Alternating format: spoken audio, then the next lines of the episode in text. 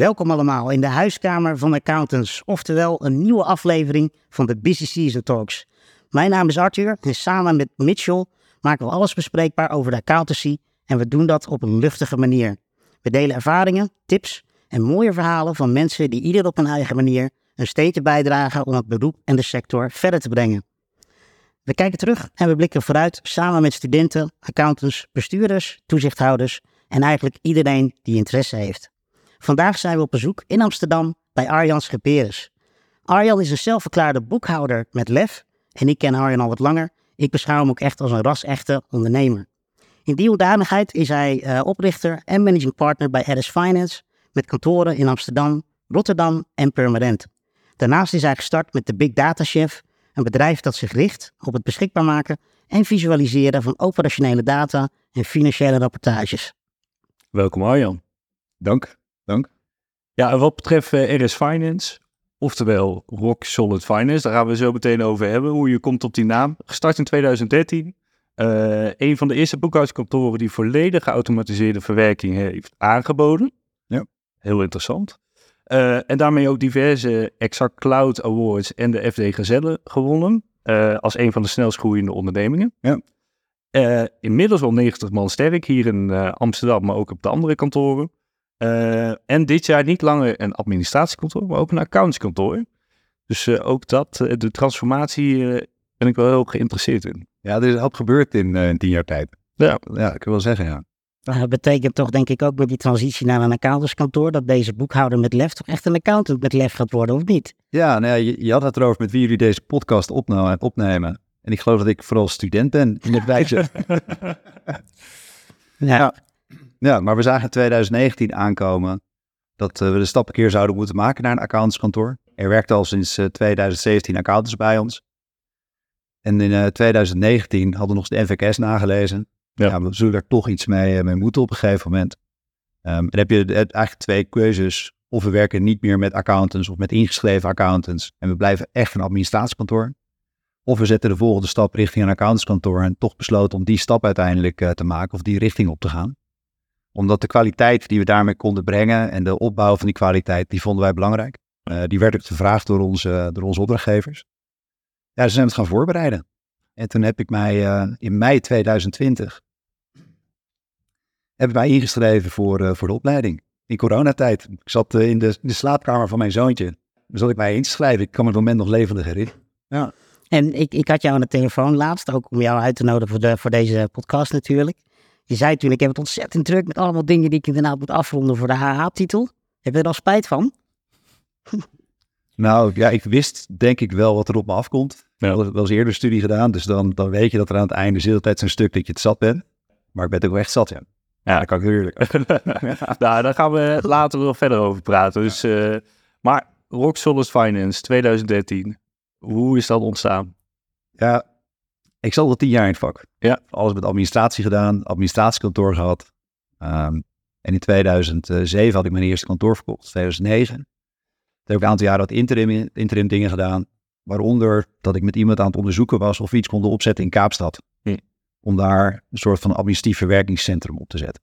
Dezelfde tijdzone, spreken Nederlands. Nou, er waren wel een aantal redenen voor. En in die tijd studeerde mijn broertje ook in, uh, in Kaapstad. Die zat daar voor zijn studie. Dus ik was een paar keer naar Kaapstad heen en weer gevlogen. En dan gingen wij s'morgens om acht uur gingen we naar kantoor. Nou, om twee uur hadden wij de werkdag op zitten. En dan gingen we naar het strand, gingen we lekker kitesurfen.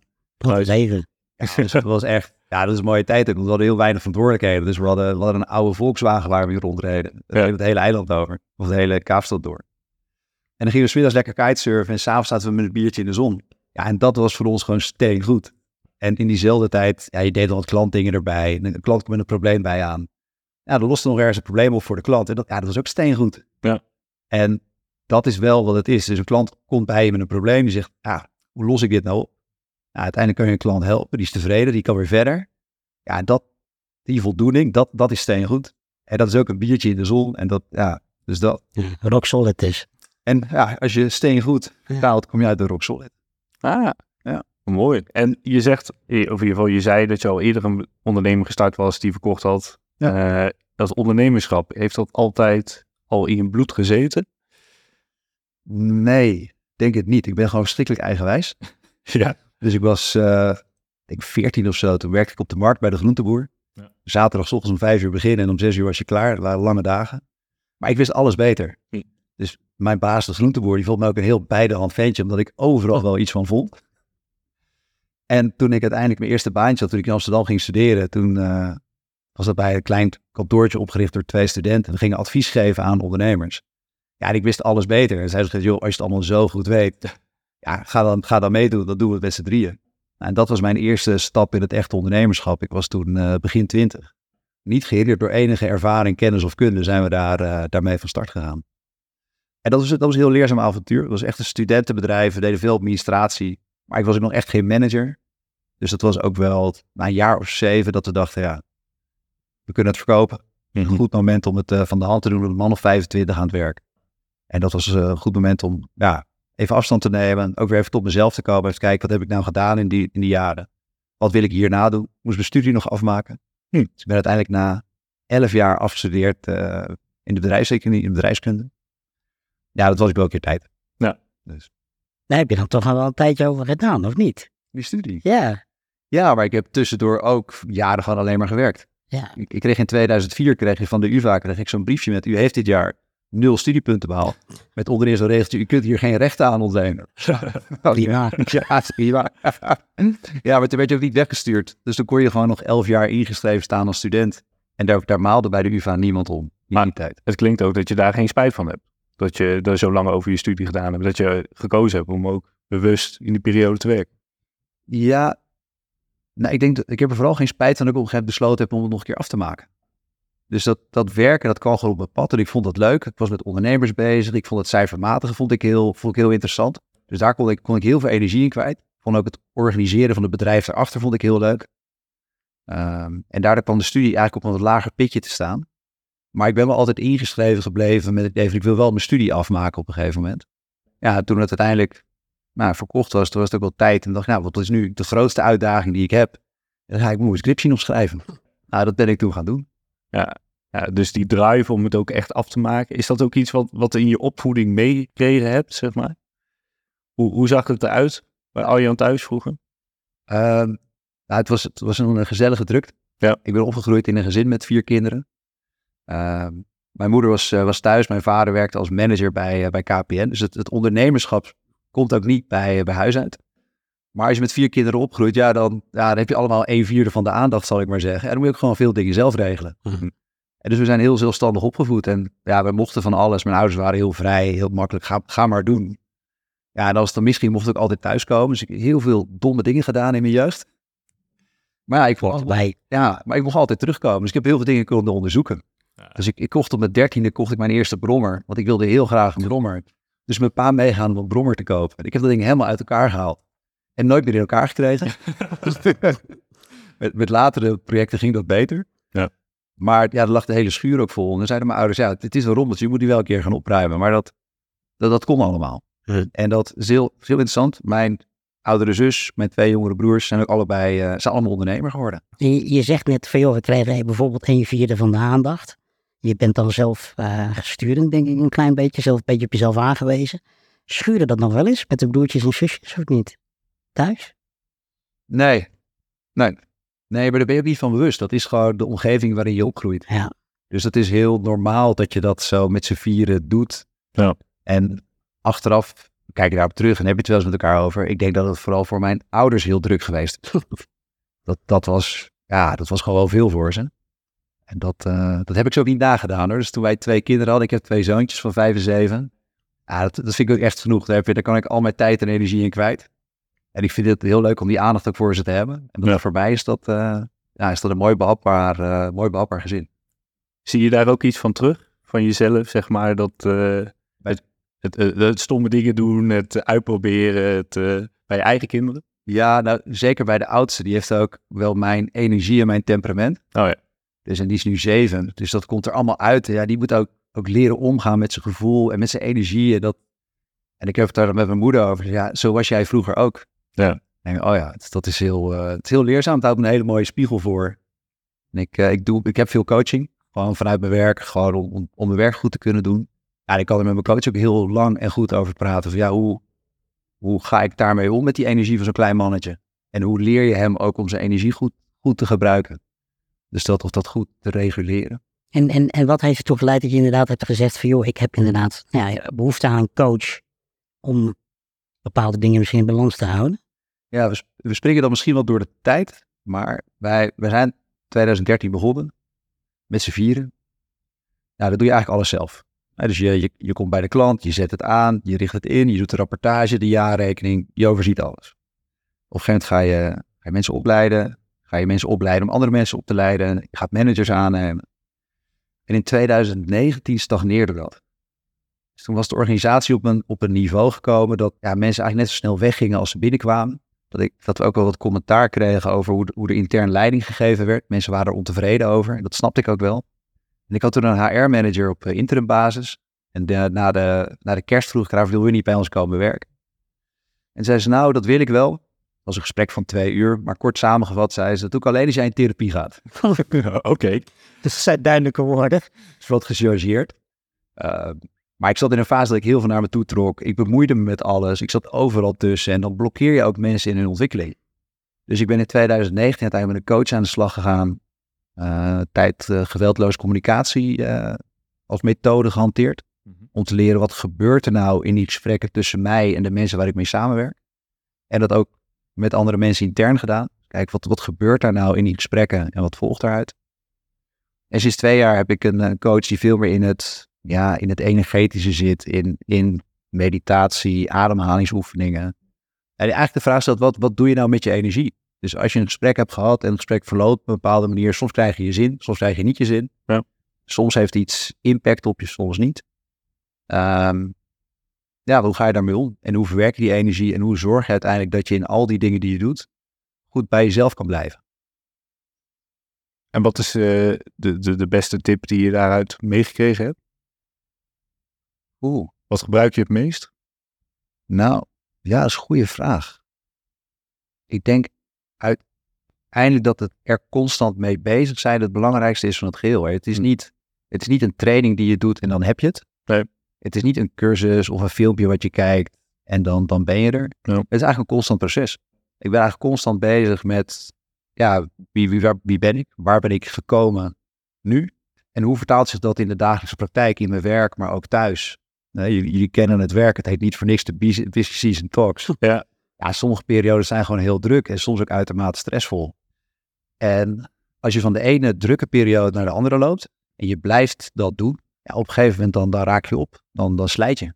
En ja, ik kan erbij vlagen ook, als ik het echt veel aan mijn hoofd heb, ja, dan kan ik er ook kribbig van worden. Hm. Dus één keer per kwartaal doe ik een uh, quarterly update. Dan praat ik het hele team bij over het afgelopen kwartaal, plannen voor het komende kwartaal.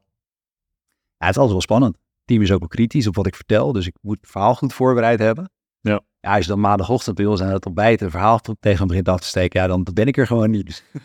en dat, dat weten ze inmiddels ook thuis, dus dat, daar houden ze, wel, uh, houden ze wel rekening mee. Het is heel goed dat je die cultuur ook uh, zo het weten uh, nou ja, te materialiseren. Dat mensen kritisch zijn op jou, maar dan anderzijds, anderzijds dat je dat ook mag verwachten van anderen. Ja. En als je dan kijkt, hè, je bent nu tien jaar verder met, met RS Finance. Hoe is jouw rol dan ontwikkeld ten opzichte van hoe RS zich heeft ontwikkeld? Leuke vraag. Leuke vraag. Ja, je begint eigenlijk als professional. Ja. Ben je met klanten bezig? Ben je met werk bezig? Gaat erg op de inhoud? Ben je met andere professionals bezig om dat te doen? En op een gegeven moment word je manager. En in management is een hele hoop te leren. En Want jullie, zijn begonnen met, hey, je bent begonnen met je, met je broertje, denk Ja. ik, RS Finance. Met hoeveel man begonnen jullie uh, toen in 2013? Met z'n vieren. Ah ja. Dus met, uh, met mijn broertje inderdaad. Ja. Met mijn uh, oude compagnon, waarmee ik mijn eerste bedrijf had gehad. Uh, we hadden nog steeds goed contact en wij zaten veel in hetzelfde netwerk. Dat was wel, wel logisch. Je kent elkaar goed, het is een klein clubje. Dingen afstemmen gaat denk ik redelijk snel en dan gaat het groeien. Ja, en wij hadden daarvoor ook allemaal een beetje een eigen eenmanszaak. Dus wij deden klussen, maar wij besteden onderling veel werk uit. Dus dan groeit het al wat naar elkaar toe. Dan heb ik er een vriend van me bijgehaald, die is IT'er. Uh, en hem gevraagd van, joh, eh, denk eens mee. Eigenlijk met z'n vieren hebben we toen een plaatje getekend. En van daaruit zijn we, zijn we aan de slag gegaan. Maar dan, dat doe je alles zelf. Je spreekt de klant, je zit in de uitvoering, zit je erbij. Dus je weet ook wat de klant gevraagd heeft in het voortraject.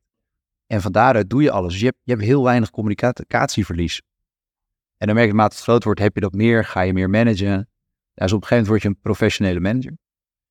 Afgelopen vijf jaar hebben we heel veel tijd besteed aan het opzetten van een goede finance afdeling, goede HR afdeling, een goede marketing afdeling, zorgen dat facilitair alles klopt, dat de IT helemaal goed staat intern. Dus ja, het is ook een beetje corvée geweest om te zorgen dat die stafkant van de organisatie goed staat. Ja. Want dat moet meegroeien van 50 naar ja, nu bijna 100 man.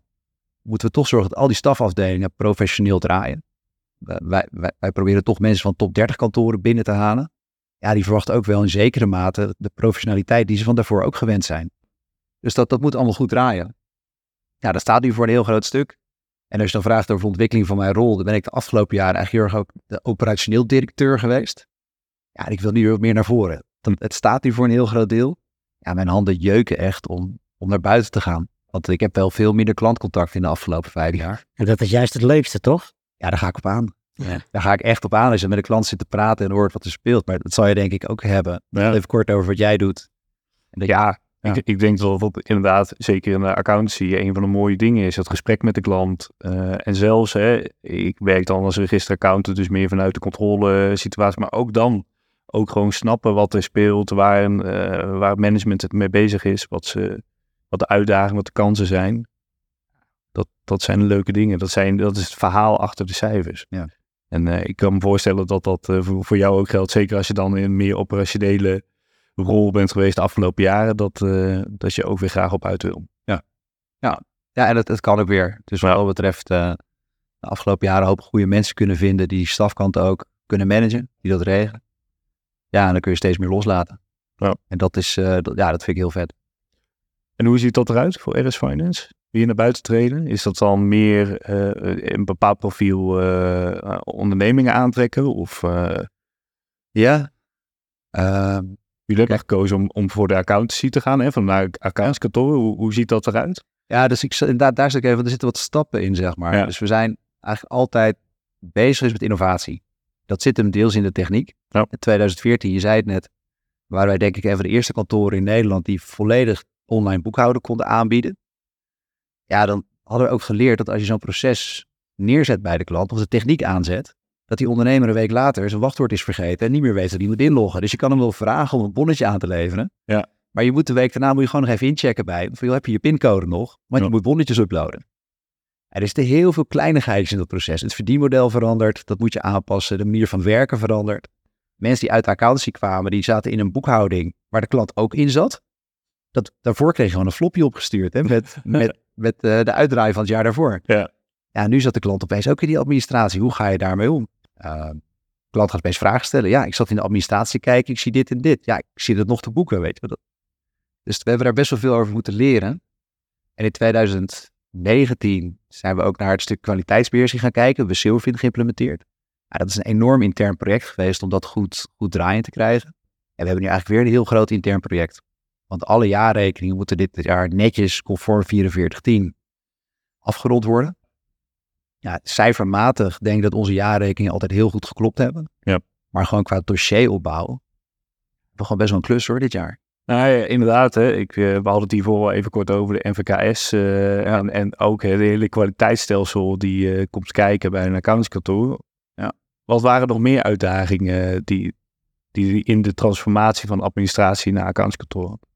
Nou, de, een van de grootste uitdagingen bij ons is dat we al wel met werkprogramma's werkten. Ja. Maar het moest nu gewoon helemaal goed.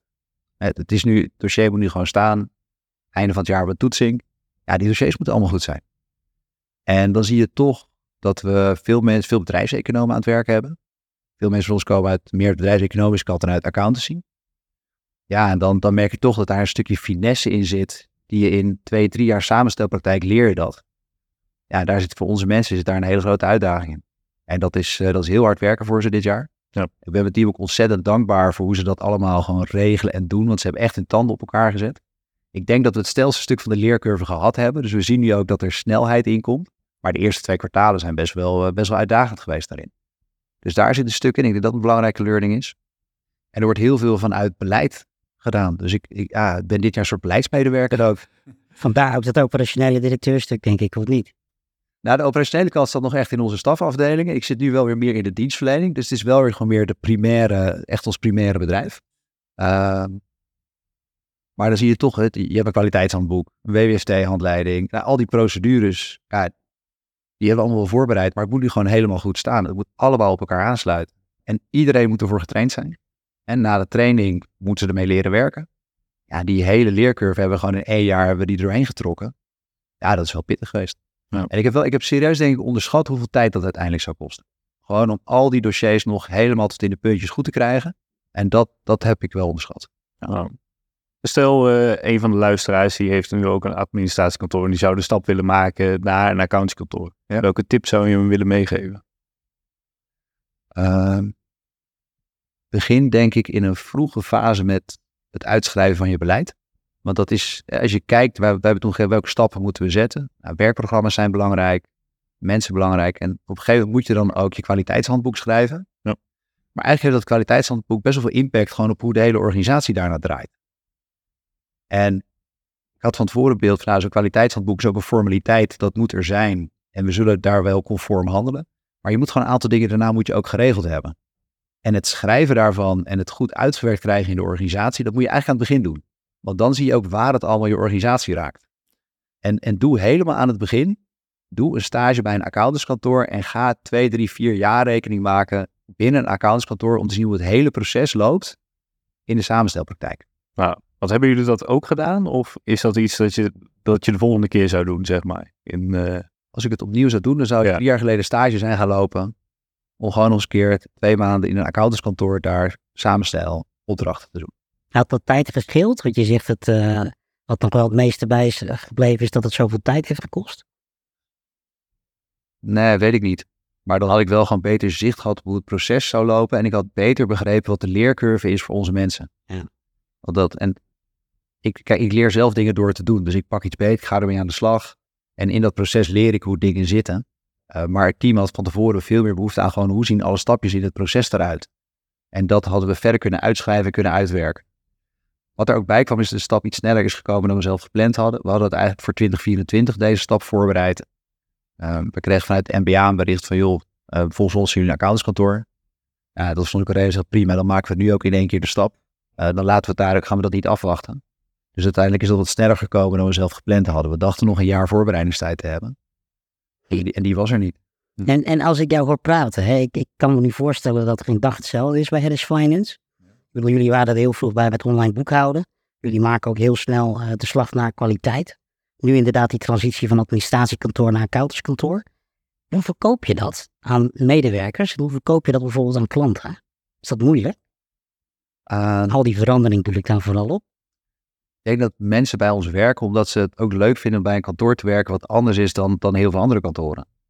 Dus dat zeggen we tegen mensen als- ze hier komen werken. Het kantoor waar je vandaag komt werken is niet het kantoor waar je volgend jaar werkt. En qua kernwaarde blijft dat hetzelfde. Het is gewoon een hele fijne club om te werken. Het zijn leuke collega's. Iedereen gaat ervoor. Er wordt veel gedeeld, er wordt veel samengewerkt. We zoeken altijd echt tot het gaatje uit hoe we de klant kunnen helpen. Daar gaat iedereen ook voor. Maar hoe het bedrijf intern draait, dat verandert ieder jaar. En dat, dat weten mensen ook. En er zijn ook wel mensen die gezegd hebben, het is me te intensief. Ik kan dat niet. Dat gaat te snel, het is te veel. Eh, team geeft soms ook wel aan van, hé hey, joh, er gebeurt nu te veel. We moeten even een stap terug. Dus we hebben in eh, het eerste kwartaal twee projecten stilgelegd. Omdat we merkten dat de transitie naar een accountantskantoor gewoon alle aandacht vraagt. Dus hebben we een IT-project stilgelegd, nog een ander project stilgelegd. Jongens, dat gaan we nu niet doen, want dat is te veel. Ja. Dus we luisteren ook wel naar het team. Het team geeft ook wel aan wat er kan en wat er niet kan. En dat, eh, dus ja, daar, daar moet je naar kijken. Maar mensen weten het. Dus ik denk dat het ook wel juist is wat ons uniek maakt. Is dat ja, het bedrijf waar je nu binnenkomt, is niet het bedrijf waar je volgend jaar werkt. En dat, dat is ook wel weer heel leuk.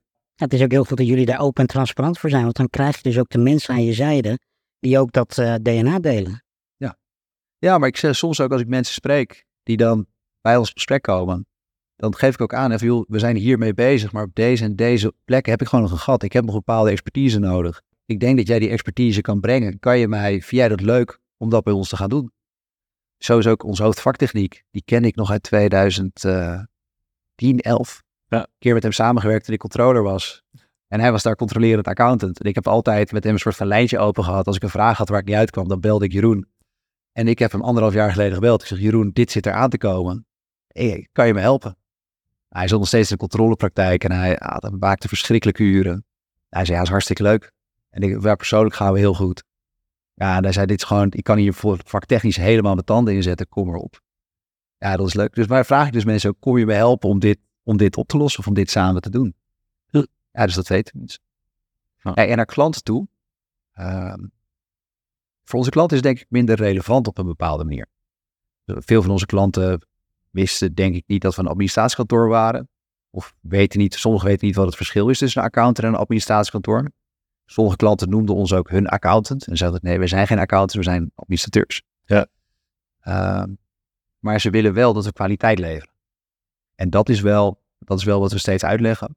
En want ze merken wel dat we soms wat formeler worden. Dat sommige procedures formeler worden. Dat we soms ook, ook dingen zeggen, joh, hier gaan wij niet in mee. Dat deden we eigenlijk altijd al wel. Als we het niet oké vinden, als het niet kan binnen wet en regelgeving, Ja. ja, dan moet je het niet doen.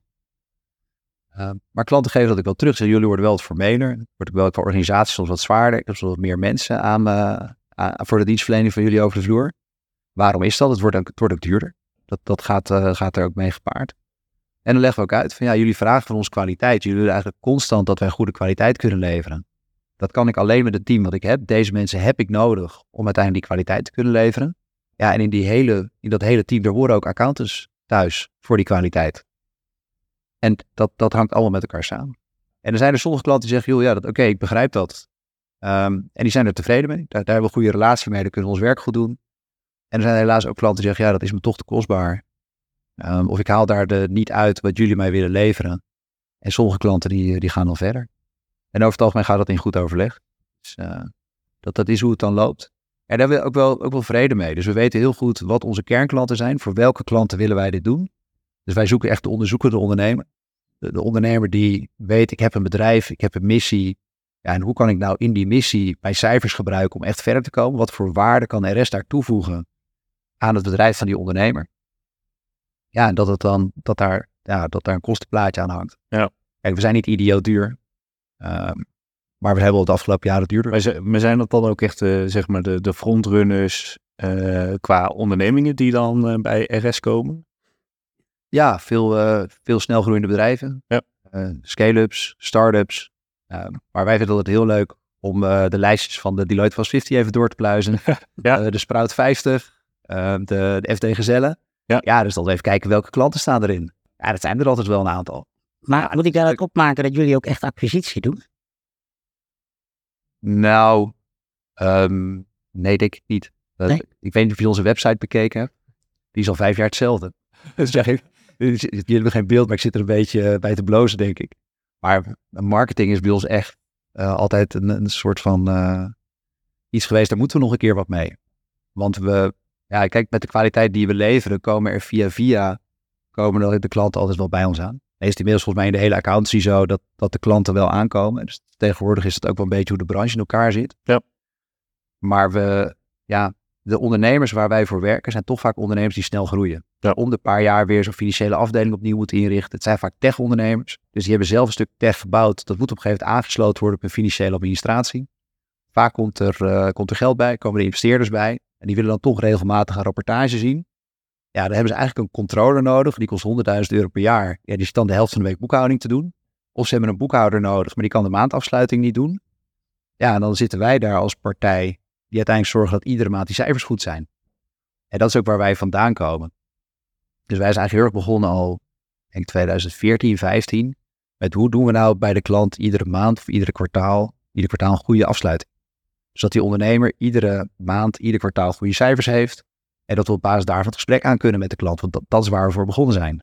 Ja, dan moet je ook wel wat te vertellen hebben. En dan vonden wij de jaarrekening altijd te laat. En het is ook een utopie dat je in februari alle jaarrekeningen gaat opleveren. Ja. Dus wij zijn heel erg naar die, naar die maandcijfers toe gegaan, die kwartaalcijfers. Ja, en ondernemers weten dat je daarvoor ons moet zijn. Dus als je een gegarandeerde maandafsluiting wil, ja, dat, dat kunnen wij leveren.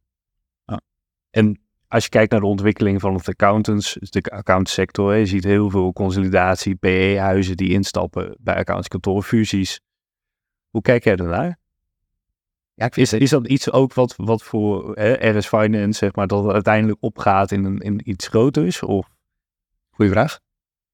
Eh, want we zien het natuurlijk gebeuren. We zien het bij onze klanten zien we het ook veel. Oké, Dus wij, hebben- wij hebben klanten die zijn buy and build aan het doen. We hebben klanten die halen geld op, die zijn zelf hard aan het groeien. Dus die Ja. vraag komt ook vaak op tafel. Wat, wat ga je daarmee doen voor ons voor ondernemers? En die vraag we hebben wij onszelf ook wel een paar keer gesteld. Kijk, wij, wij, wij worden ook wel eens uh, benaderd door partijen. Ja. Uh, i- iedereen kent die partijen. Die zijn bezig om kantoren te kopen, netwerken te bouwen. Er zijn kantoren die, die hard aan het groeien zijn. Dus die kloppen ook bij ons aan. Mhm. Bij tijd en wijle. We zijn die gesprekken ook wel eens een paar keer aangegaan. Gewoon om eens te kijken, wat, wat brengt het nou dat ze naar ons toe komen? Waarom komen ze naar ons? En zou dat ons iets kunnen brengen? En dat heeft ons uiteindelijk gebracht tot de vraag, waarom zou je zoiets doen? Mhm. En gaat het alleen maar over geld? Wat levert het op? Ja. ja, ja, in geld, maar ook in, in persoonlijk rendement. Wat, Ja. wat halen we daar met z'n allen uit? Wat betekent het voor mijn team? Eh, mensen zijn hier komen werken uiteindelijk om een buitengewone bijdrage te leveren aan het succes en de groei van onze klanten. Ja, en als je dan opgaat in een conglomeraat waar je, waar, waar je met spreadsheet managers iedereen gaat tunen op zijn rendement, en dan heb je een heel andere onderneming. En dat zie ik bij mijn klanten zie ik dat wel gebeuren. Hè? Dus dat, dat zijn dan kla- ondernemers die gaan lekker, die halen geld op. Ja, maar als je één keer geld hebt, dan moet je ook. Dus we hebben het een paar keer onderzocht. Onze vraag stelt, levert dit dan bij ons? Gaan we meer onze missie leveren als we dit gaan doen? Nou, daarvan was het antwoord tot nu toe steeds eh, nee. Aan de ene kant ook omdat we gewoon nog heel hard ontwikkelen. Eh, dit- jaar is voor ons investeringsjaar. Ja, als je, dan, als je daar een waardering op los gaat laten, ja, dat is niet, eh, is niet interessant. Ehm, maar die investering kunnen we wel doen. Ik hoef Ja. aan niemand verantwoording af te leggen dat wij die investering aan het doen zijn. Dat Dat is ook wel fijn, hè? is heel fijn. Ja. Ja, dat is heel fijn. Ja. En wat betreft private equity, ik kan daar zelf ook al uit, eh, uit eigen ervaring spreken. Ik had mijn tweede werkgever ooit op een maandag begonnen en op een vrijdag werd er, werden we allemaal in een zaaltje geroepen. Er komt een private equity eh, instappen en we gaan de business splitten. Nou Ja, ik heb dat in een jaar meegemaakt. Wordt gefocust op maximalisatie eh, van de omzet en op absolute kostenreductie. Nou moet ik zeggen, ik denk dat het, het instappen van een PE-partij in Nederland, in accountantsland, dat dat de innovatie op zich wel ten goede kan komen. Jullie toch het, over het algemeen dat het accountantsland misschien wat achterloopt. Nou, maar daar is denk ik ook de behoefte ontstaan. Hè? Het, het, het investeren in technologie, het Ja. investeren in, in, in controle of samenstelpraktijk. Dat dat ook nodig was, zeg maar. eh, een stukje funding. Ja, en dan wordt er wel gezegd af en toe dat natuurlijk het ten koste kan gaan van de kwaliteit. Ja. Maar ook een private equity partij zal niet een lagere kwaliteit willen, want dan heb je direct heb je natuurlijk ook weer het risico op boetes en kosten. Ja. Hoe hebben jullie trouwens die kwaliteitsimpuls? Want ik kan me voorstellen dat er een hele sterke kwaliteitsimpuls is geweest. Hoe hebben jullie dat eh aangepakt? Om heel terug op een punt wat je net maakte, want ik vind het wel interessant inderdaad dat er wel zorgen zijn over de kwaliteit. Maar wat ik persoonlijk echt fantastisch vind aan accountants en ook aan de opleiding die ik dan aan het doen ben, is dat accountants in Nederland heel kwalitatief zijn. Ik vind dat echt fantastisch om te zien. Die zijn, uiteindelijk zijn ze allemaal gewoon bezig, tenminste allemaal die, die ik tegenkom, om echt het voor de klant goed te doen, om het maatschappelijk belang te dienen. Zijn zich heel goed bewust van hun verantwoordelijkheid. Ja, ik vind dat over het algemeen, vind ik het niveau heel hoog. En ik kan me niet voorstellen dat bij die grote kantoren, dat ze uiteindelijk de kwaliteit ondergeschikt maken aan het rendement. Ik zie dat niet. Het zou kunnen hoor. Het zal ongetwijfeld zal er ook een keer een incident zijn. Maar over het algemeen heb ik die kwaliteit daar volgens mij heeft dat heel hoog zitten.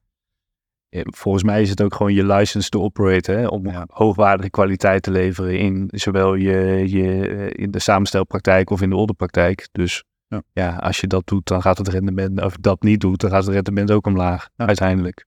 Ja, ik denk dat het. Ik weet van andere kantoren dan dat die, die groot aan het investeren zijn in eh data-analyseprojecten. Ja, er wordt gewoon echt iets aan innovatie gedaan op een hele, op een hele mooie manier. Ja. En dat vind ik wel gaaf om te zien. Ik denk dat jullie dat bij UI, ja, jullie hebben dat intern volgens mij. eh, Ja, en ik denk ook de meeste kantoren, volgens mij bij BKT, die ook gewoon data-analyse. Is dat iets wat ook bij jullie eh, al data-analyse, zeg maar... Ik, ik las wel iets over rapportages, dat is uw financiële rapportage. Zit daar ook al iets van data-analyse in? Op hele kleine schaal. Ja. Hele kleine schaal. Ehm, maar wij zijn in 2018 begonnen met het bouwen van een eigen data warehouse oplossing. Met een Power BI rapportage ervoor, zodat we onze klanten ja, zelf maatwerkrapportages kunnen bieden. Dus daarmee kunnen we financieel en operationeel geïntegreerd eh, de klant inzicht bieden. Ah, dat is een heel leuk eh, project, maar dat is nog heel erg op ondernemingsniveau. Mhm. En als je echt data-analyse wil doen, wil je eigenlijk de hele populatie kunnen oppakken. En vanuit die populatie wil je analyses kunnen doen. Ja, dat, ja, mijn vingers jeuken. Kijk, volgens mij is daar, als je dat met een aantal kantoren samen zou kunnen doen, dan kan je sneller zijn dan het CBS. eh, Met het voorspellen van hoe het gaat in Nederland. Laten zien hoe het in Nederland gaat. Dus Moet je je voorstellen. ja, dat, dat kriebelt toch wel. eh. Dus we doen het op hele, hele kleine schaal. Ja. Maar we hebben wel de basis gelegd dat we het op een gegeven moment kunnen opschalen. Dus dat, Uh, niet, niet op schaal waar jullie het doen. Nee, nee, nee, nee. Goed, maar wel mooi dat jullie daarmee beginnen. En nou, ik, ik ben ook benieuwd hoe, hoe dat er misschien over tien jaar uitziet als je hier bij RS Finance komt. Wellicht als jullie het dan uh, ook geïmplementeerd hebben of in meer mate. Ik hoop het. Ja. Ik hoop. Wanneer, wanneer heb je nou het moment dat je denkt, goh, we zijn er met RS? We zijn er met RS als ik niet meer operationeel betrokken ben bij dingen die geregeld moeten worden. En als ik gewoon lekker door kantoor kan wandelen en ze bij een klant kan inchecken hoe het gaat.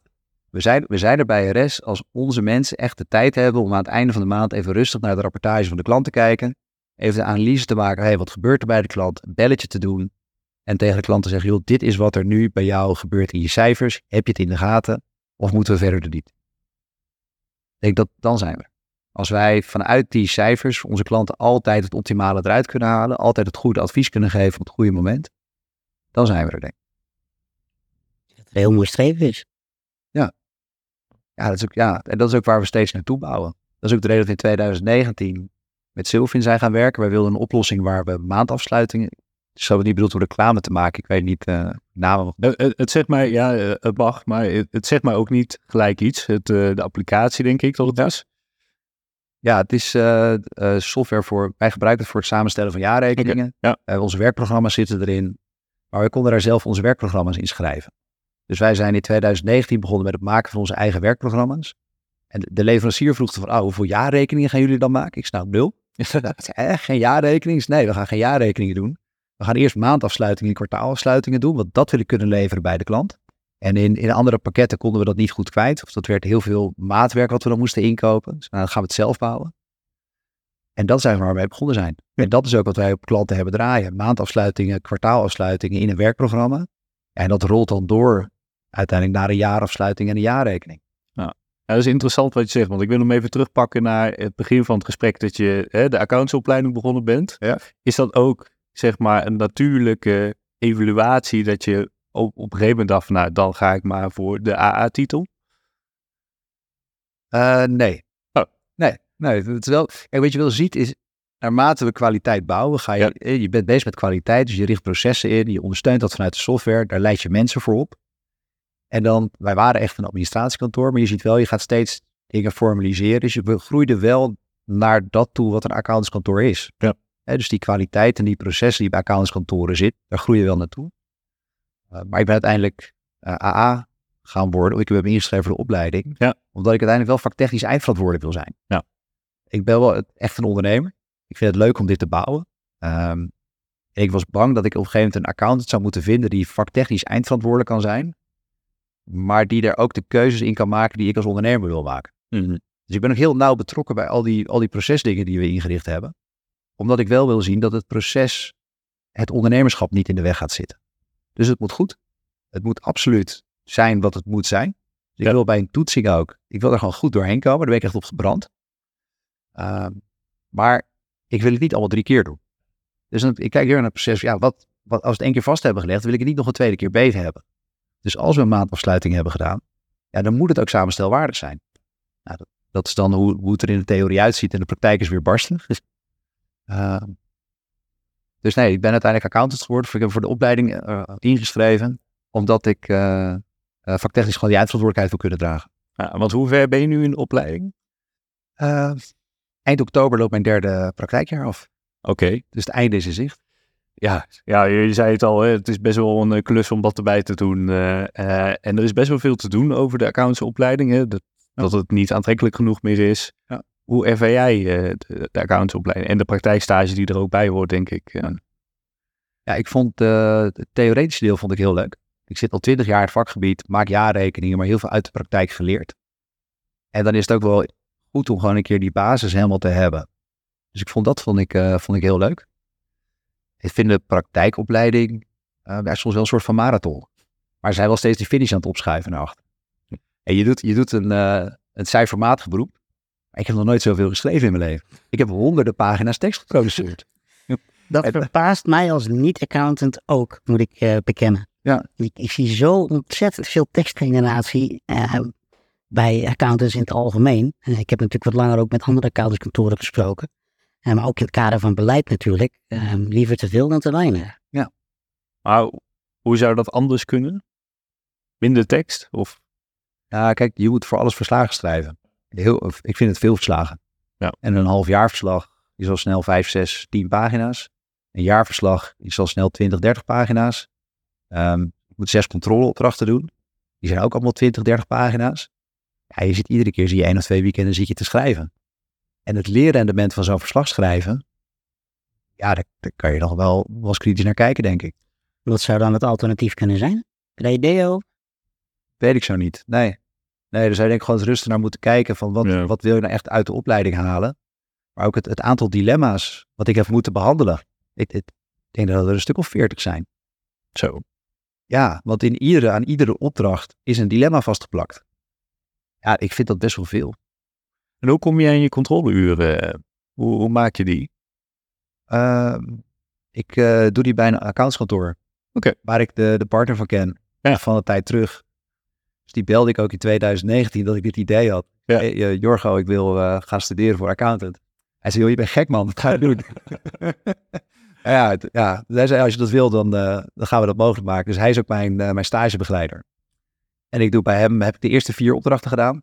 En de laatste twee heb ik in een simulatie gedaan. Omdat je dan toch het niveau van een startkwaam eh, accountant moet hebben. Ja. En die laatste twee die wilde ik gewoon helemaal check hebben voor mijn dossier. Dus die heb ik in een simulatie gedaan. Hoe moet ik me dat voorstellen? Een simulatie? Misschien een hele rare vraag. Eh, dan zit je een week, eh, vier, drie, vier dagen in een locatie met allemaal studenten. Ja. En dan hebben ze een casus voorbereid. Waarbij je dus een controleopdracht gaat uitvoeren. En helemaal van begin tot het einde voer je hem uit. Met, met ook gewoon een stukje begeleiding erbij. Over wat voor opdracht is het? Hoe, hoe kijk je ernaar? En daarna ga je hem gewoon zelf helemaal uitwerken, de hele opdracht.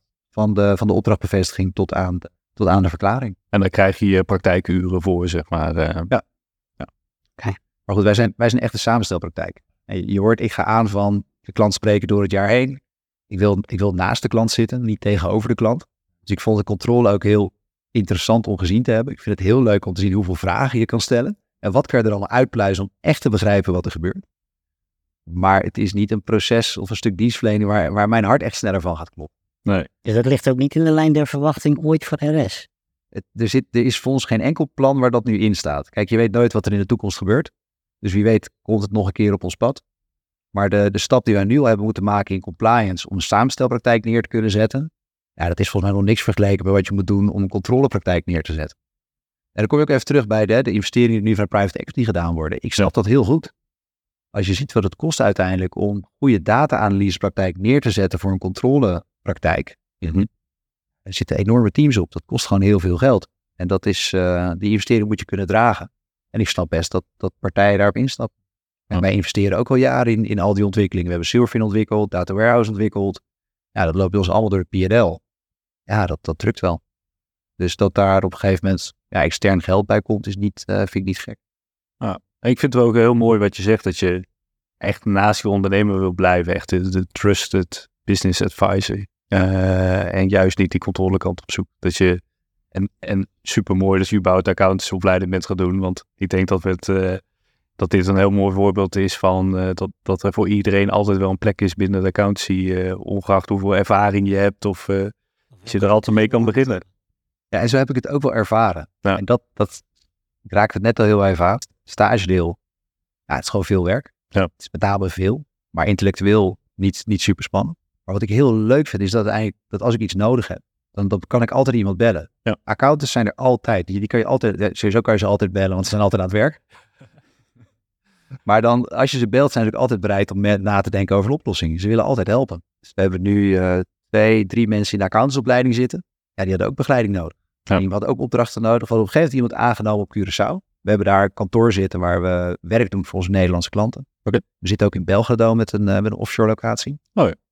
Maar die jongen in eh Curaçao, die had de eerste, de eerste jaar van zijn opleiding had hij gedaan. was een stage. En die moest het tweede jaar, het tweede, derde jaar nog. Ja, zijn we wat gaan bellen. Uiteindelijk hebben we daar een accountant gevonden die hem daar wilde begeleiden. Hmm.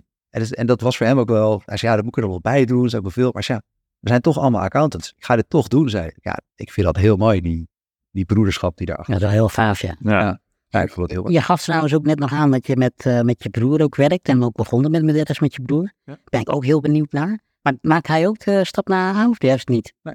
En hoe is dan die rolverdeling en, en de invulling nu en straks? Nou, we hebben allebei onze, onze verantwoordelijkheid in de organisatie. Dus wat, eh, wat Jens doet, hij doet veel eh, innovatie. Ja. Hij test veel software, eh, kijkt hoe dat werkt bij klanten. Dan gaat er vaak mee naar grote complexe opdrachtgevers om te kijken hoe dat in elkaar zit. Is hij ook een programmeerder? Dan ook, kan hij programmeren? Of? Nee, dus hij kan heel goed implementeren. Ja. Hij snapt heel goed hoe het werkt. Eh, begrijpt de processen die bij onze klanten draait ook echt in detail. Ook, ook als hij het nog niet gezien heeft, heeft hij eigenlijk binnen een uurtje door. Wat gebeurt er nou in het proces? Ja, dat hij het dan snapt is heel plezierig, maar daarna moeten andere mensen daar verder mee kunnen. Ze doet heel veel opleiding en training intern. Om te zorgen dat iedereen ook die, eh, die techniek kan gebruiken en op een goede manier kan inzetten. En hij is denk ik ook de ultieme customer eh, success manager. Want als er ergens iets misgaat, dan springt hij er vaak in. Ja, en dan zit er gewoon, en dan zit een van de eigenaren zit aan tafel. Ja, en, en als er dan echt iets geregeld moet worden, ja, dan kan hij het ook altijd regelen. Ja. Dus dat, dat is heel plezierig. Je ziet toch bij een groeiende organisatie dat er wel eens een steek, eh, steekje valt. En dan is het fijn dat er gewoon iemand is die ja, de autoriteiten heeft en ook de, de capaciteit om ter plekke dingen op te lossen. Dus Mooi. Ja, je hoort wel eens van die verhalen met, eh, met familie en vrienden moet je niet samenwerken. Maar dat, daar merk ik hier helemaal niets van. nee, dat gaat ook al jaren, gaat dat goed. Maar goed, dat is ook wat ik zei. Hè? Dus we kijken ook altijd kritisch naar onze eigen rol. Ja. Tot 2017 waren wij, ja, we liepen een beetje van de ene groeipijn naar de andere groeipijn. En in 2017 zijn wij begonnen met een scaling-up programma. Boek een keer gelezen, consult voor binnen gehaald. En ook gewoon gekeken hoe zit nou onze organisatiestructuur in ons elkaar. Wat is onze BHAG? Wat is onze Big Hairy Audacious Goal? Wat willen wij zijn in 2025? Wat voor, wat voor managementteam hoort daarbij? Hoe bouwen we dat op?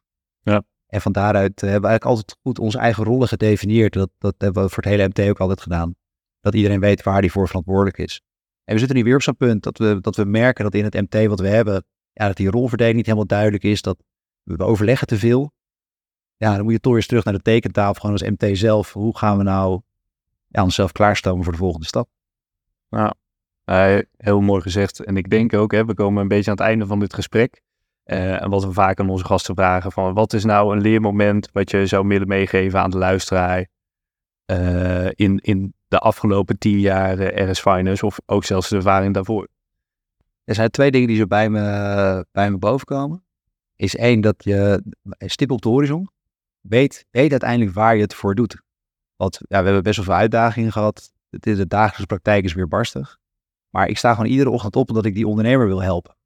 En dat is ook wel een soort van beeld. Ik wil dat doen in de accountancy. Ik wil het ook doen op een manier die, die vernieuwend is. Het is toch ook wel een vak waar mensen soms... ja, Ik ben heel veel jaarrekening aan het maken, alleen maar dossiers aan het vullen.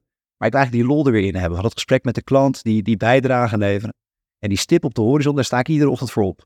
En die zit gewoon zo diep bij mij verankerd. Als je dat hebt, dan kun je uiteindelijk kun je, ja, kun je gewoon heel veel dingen eh, kun je doen. Jullie hebben die stip op de horizon hier volgens mij nog steeds op de muur Ja. hangen. hè? Ja. Ja. toch? Ja. Ik zag hem net toen ik bij jullie liep. Ja, dat klopt. Eh en dus ons dat een buitengewone bijdrage leveren aan het succes en de groei van ondernemers. Dat, dat is uiteindelijk waar het, eh, waar het om gaat. Dat gaat binnenkort trouwens op de schop. Want we gaan, onze hele branding gaat, gaat opnieuw. Oké. Dus het- we zijn na tien jaar eindelijk zover dat we iets van de marketingafdeling aan het opzetten zijn. Dan hoop ik toch ook een nieuwe website, hè? Dan komt er ook een Ja. nieuwe website. Ja, ja, ja, dat is heel leuk. Het is, het is, eh, dat is een heel leuk proces geweest. Opgehaald, wat, wat zijn we nu geworden als kantoor? En hoe vertalen we dat zo meteen naar buiten toe? Dus ik hoop dat we dat in het vierde kwartaal eh, online kunnen brengen. Ja, en de tweede les die ik mensen wil meegeven is let goed op jezelf. Blijf, blijf bij jezelf. Want die stip op de horizon die is ook heel verslavend. Daar kan je naartoe werken, maar dat, op een gegeven moment kan dat ook het enige zijn wat je doet. En ik zie, ik heb bij mezelf een paar keer voorbij gelopen. Maar ik zie dat soms ook bij andere mensen. Ik denk, hoe moet je niet even Of rustig aan. even rustig aan. Ja. ja. Als ik mensen iets mag meegeven, dan is het dat. Mooi, mooi. Ik, eh, ik vind het echt heel gaaf om te zien eh, de drive die je hebt. eh, het feit dat je de accountsopleiding bent gaan doen om je te blijven ontwikkelen. eh, coaching. De ontwikkeling die RS Finance gemaakt heeft. Ehm, het is gaaf om te zien. Tof, dank je. Ja. Eh, ik wil je in ieder geval bedanken eh, voor, voor dit eh, gesprek. Het gaf wel een inkijkje in de transformatie van administratiekantoor naar accountskantoor. En ik hoop dat we over tien jaar hier nog een keer langskomen en dat het een heel groot accountskantoor mag zijn. En dat het ook eh, veel andere administratiekantoren mag inspireren om Ja. op diezelfde stap te zetten. Zeker weten. Ik hoop dat. Nou ja, heel graag, eh, heel graag gedaan. Ik vond het heel leuk om te doen. Dus dank dat jullie me uitgenodigd hebben. En ik, eh, ja, ik hoop jullie graag een keer terug te zien om over het vervolg te vertellen. Super. Dankjewel. Graag. Thanks.